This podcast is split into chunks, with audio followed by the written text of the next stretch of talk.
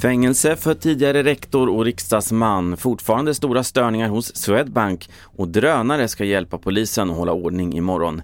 Jag först i TV4-nyheterna om att den tidigare rektorn för Rösmosseskolan i Göteborg, Abdirizak Waberi, döms till fyra år och sex månaders fängelse för grov förskingring och grova bokföringsbrott.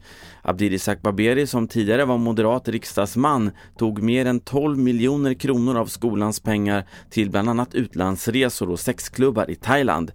Rättens ordförande Robert Enejung berättar att det inte kartlagts exakt vad alla pengar gått till.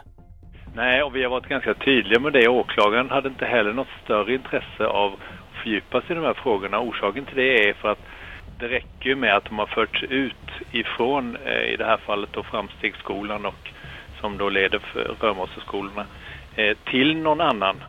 Mer om det här på tv4.se. Sen igår kväll har Swedbank stora driftstörningar där många kunder har fått minus på kontot och därför inte kunnat göra sina betalningar. Swedbank har hittat orsaken men saknar en prognos för när felet är åtgärdat. Så här säger cybersäkerhetsexperten Marcus Murray.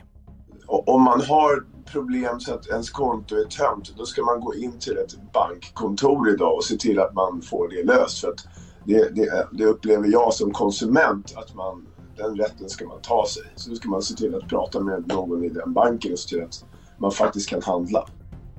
Till sist, efter två år med pandemi och nedtonat valborgsfirande väntas studentstäderna fyllas av festsugna ungdomar imorgon. Drönare ska hjälpa polisen att upprätthålla ordningen då det väntas bli större firande än vanligt. Jonas Eronen är presstalesperson på Region Mitt. Vi kommer ju ha kontaktskapande poliser med hög närvaro och synlighet på de platserna där det finns människor och evenemang. Men det finns alltid en beredskap för att, beroende på vad som inträffar, att kanske ta biträde av andra regioner. Fler nyheter på webben och i appen. Mitt namn är Carl-Oskar Alsen.